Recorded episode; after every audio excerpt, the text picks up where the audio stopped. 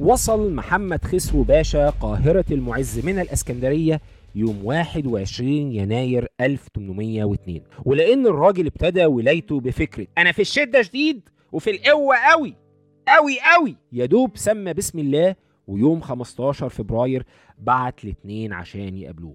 واحد اسمه محمد أغا وده كان مسؤول كبير في الديوان والتاني اسمه سليم أغا المحتسب. يعني إيه بقى محتسب؟ دي كانت وظيفة ابتدت من أيام الدولة العباسية وكانت في الأول عمل تطوعي وبعد كده بقت وظيفة وليها مرتب. عشان أبسطها لكم كانت حاجة كده عاملة زي جهاز حماية المستهلك بس في التو واللحظة. يعني الراجل المحتسب يمشي في الأسواق ويطمن إن البضاعة تمام والموازين ما فيهاش غش وإن الأسعار مظبوطة. واللي يلاقيه بيلعب بديله يديله على دماغه بالقانون ويعاقبه ممكن في ساعتها على حسب الجرم بتاعه. وللأسف لأن السلطة المطلقة بدون رقيب هي مفسدة مطلقة. فالتاريخ بيحكي لنا عن أنواع غريبة من العقوبات اللي طبقها بعض المحتسبين في مصر على التجار الغشاشين. يعني مثلا في محتسب اكتشف إن واحد جزار باع لحمة لمواطن وغش في الميزان وكانت اللحمة ناقصة كيلو.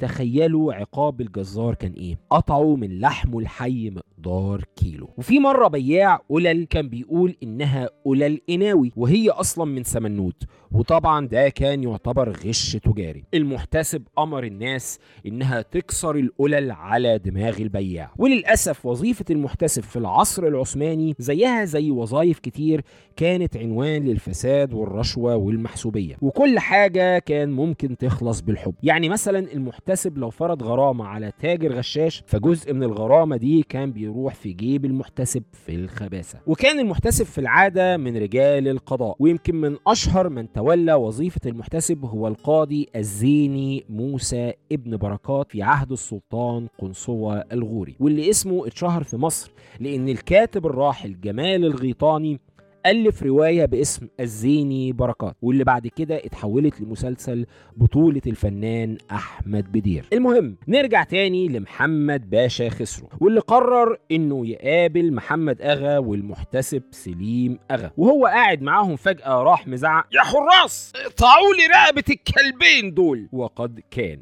اتقطعت رقبتهم وجثثهم اتعلقت في ميدان عام عشان تكون عبرة لكل التجار. وطبعا التجار شكوا على روحهم وقالوا يا ده يا دقي الباشا قطع رقبة المحتسب أمال هيعمل فينا إيه؟ وفي خلال 48 ساعة يا مؤمن مفيش صنف أكل كان ناقص فيك يا مصر. وبأرخص الأسعار. ده انت مش محمد خسرو ده انت محمد كسبه صحيح مش كسبه السنغال بس برضه مجهود يحترم يعني يا جماعة. ومحمد باشا خسرو كان بينزل بنفسه متنكر في الأسواق عشان يشوف الأوضاع عاملة إزاي. وطبعا المحتسب الجديد اللي اتعين تاني يوم ما اقولكش الراجل كان إيه؟ شعلة نشاط شمعة تحترق من أجل الآخرين. والبايع اللي كان يتقفش لاعب في الميزان أو مزود في السعر كان في منت بيخرج يخرموا مناخيره ويعلقوا خطاف منها ويتعلق في الخطاف المنتج اللي التاجر ده كان بيبيعه. ويعلقوا البايع على باب دكانه